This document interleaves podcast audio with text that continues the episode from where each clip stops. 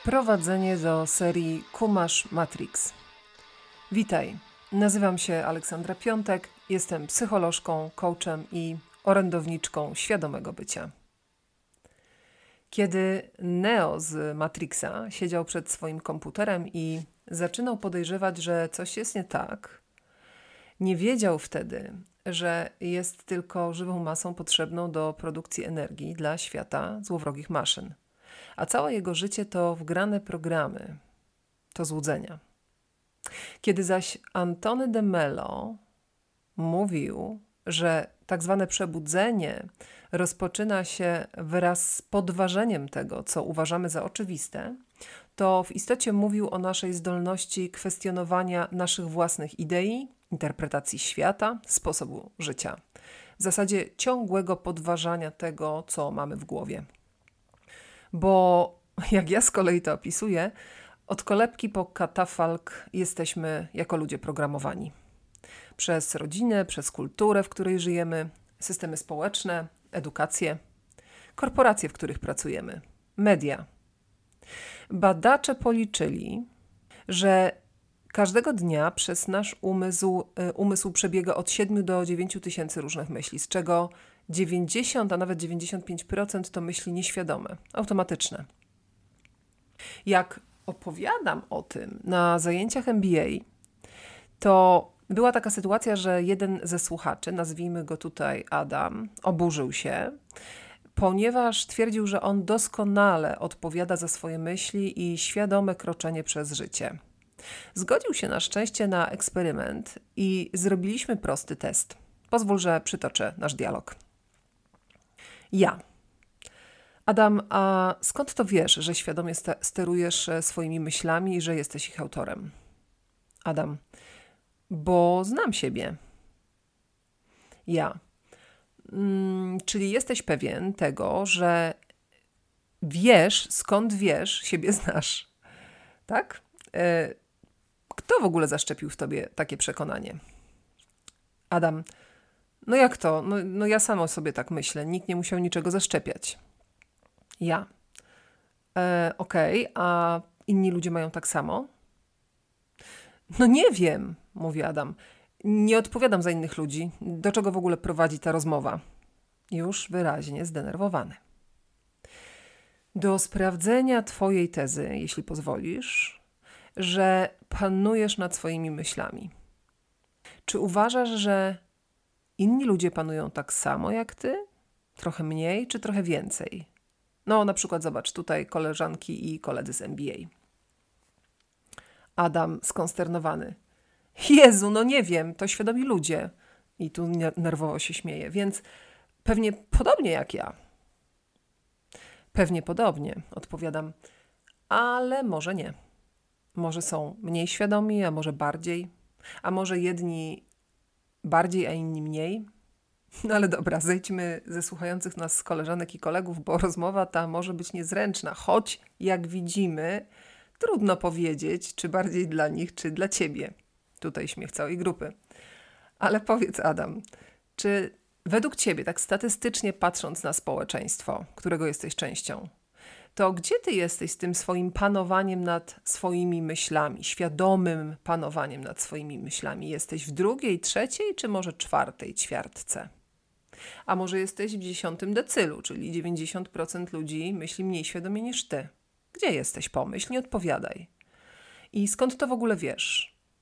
I co to znaczy, że panujesz nad swoimi myślami? Tak w ogóle, co to znaczy?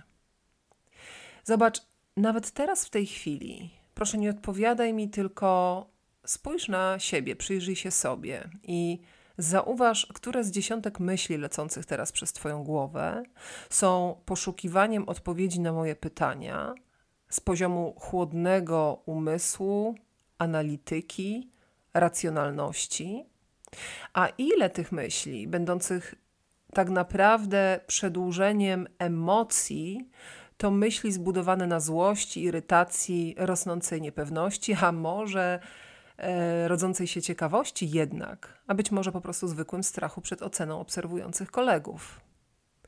I zobacz, czy nad wszystkimi panujesz. Widzisz już, do czego zmierzam? Och, widzę, odsapnął Adam i rozumiem. Przyznam, że wydaje mi się, że zaczęło się dość świadomie z tym moim myśleniem w dialogu z tobą, ale teraz widzę, że potem już straciłem kontrolę. I to, od czego zacząłeś, odpowiadam na to, to może być w istocie te 5-10% naszego świadomego myślenia. Ale zobacz, żeby to jeszcze trochę skomplikować, zadajmy sobie pytanie, dlaczego ty w ogóle zareagowałeś? Jak ja mówiłam o tych 90, 95% nieświadomych myśli w naszym życiu. Czy ta Twoja reakcja była świadoma, czy to był tylko impuls? Bo mój wykład zupełnie nieintencjonalnie zaatakował jakieś ważne Twoje przekonania na swój temat. I po prostu włączył ci się taki odruch obrony własnych przekonań, bo to, co ja mówiłam, naruszały Twój obraz Ciebie samego. Bo u niektórych jednak tutaj ludzi, kolegów i koleżanek, włączyła się ciekawość. Widzicie to? Pytam i patrzę na grupę. Ludzie kiwają głową. Od czego więc zależy to, że ktoś reaguje obronnie, a ktoś inny z ciekawością? Pytam grupy. Czy byliście w pełni świadomi waszej reakcji w momencie jej pojawiania się w tej naszej dyskusji? Czy widzicie, do jakich wniosków dochodzimy? No i tutaj klamra. Koniec um, przytoczenia całej scenki. Ale ten prosty eksperyment ze słuchaczami MBA wyjaśnia bardzo wiele bo jako ludzie działamy na autopilocie, na automatyzmach. Nawet nie wiemy, dlaczego czasem reagujemy tak, a nie inaczej. Możemy często świadomie zauważyć, jakiego przekonania bronimy, ale zobacz, kto to przekonanie w ogóle stworzył w nas. Dlaczego? Dlaczego my mamy takie, a inni mają zupełnie inne myślenie w tej samej sprawie? Czy moje przekonania i założenia, których bronię, do których jestem przywiązany, przywiązana, są tak naprawdę moje. Kto je w mojej głowie zainstalował? Czy je po prostu przyjęłam, przyjąłem, czy ten proces zaszedł w pełni świadomie? A co by się zmieniło, gdybym miał, miała inne przekonania? No właśnie. Podam jeszcze jeden dowód na to, że siedzimy w matriksie nieświadomości. Jeśli kiedykolwiek próbowałeś, próbowałaś medytacji, to od razu złapiesz o co chodzi. Bo instrukcja do medytacji jest prosta. Usiądź, weź kilka głębokich oddechów, wydech nieco dłuższy, zrelaksuj ciało, podążaj świadomością za oddechem, w tym stylu. I w pewnym momencie można poprosić, zadać sobie takie zadanie. A teraz nie myśl o niczym. Przez dwie minuty. Miej pustą głowę totalna cisza i pustka. Nie będę teraz milczeć w tym podcaście, ale wypróbuj sobie tego ćwiczenia, jeśli tego nigdy nie doświadczyłeś, nie, nie robiłaś. I zobacz, co się dzieje. Doświadczenia w pracy z początkującymi medytującymi pokazują bardzo wyraźnie, że większość ludzi nie utrzyma pustej głowy przez więcej niż kilka do kilkunastu sekund. A i to już jest ogromnym wysiłkiem. To tak, jakby mówić nie myśl o różowym słoniu, już przytaczając sławetne powiedzonko, tak, czy eksperyment. Jak z kolei regularnie praktykujesz medytację pustki albo medytację przestrzeni, to zrobisz e, takie ćwiczenie dość sprawnie i będziesz w stanie utrzymać pustą głowę naprawdę przez długi czas. Długi, czyli kilkadziesiąt minut albo nawet lepiej. Ale dla niektórych to oznacza lata lata regularnego treningu. I jeszcze jedna rzecz, jak będziesz eksperymentować, zobacz wtedy, jaką masz kontrolę nad myślami, które pojawiają się w tej medytacji pustki. Prawie żadnej. Jak się temu przyjrzysz, to zobaczysz, że wlatują same. Może są nawet jak całe galopujące stado skołowanych koni, wystraszonych hukami, dźwiękami, po prostu tym doświadczeniem wpadających na siebie w chaosie. Spróbuj. Zobacz, gdzie jesteś. To może być bardzo ważny eksperyment.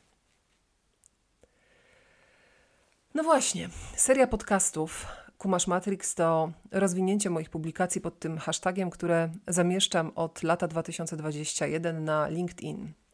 Jej celem jest uświadomienie zjawiska programowania i inspirowanie Cię do świadomego wychodzenia z Matrixa czyli do oglądania pod lupą własnych przekonań, założeń, swojej filozofii, które dość automatycznie wyznaczają trajektorię naszego życia. Pokazuję w tej serii zarówno mechanizmy tworzenia się przekonań, jak i podpowiadam, jak wychodzić z Matrixa. Poruszam też i pomagam zobaczyć złudzenia wielu przekonań w aspekcie życia osobistego, partnerskiego czy relacji oraz zawodowego. Przez ponad 20 lat mojej pracy w biznesie wiele widziałam, wiele doświadczyłam i z wieloma założeniami, schematami, programami Matrixu przyszło mi wtedy pracować, często bardzo nieświadomie. Więc dzisiaj moją intencją jest pomóc prowadzić o wiele bardziej świadome życie osobiste i zawodowe. Do usłyszenia.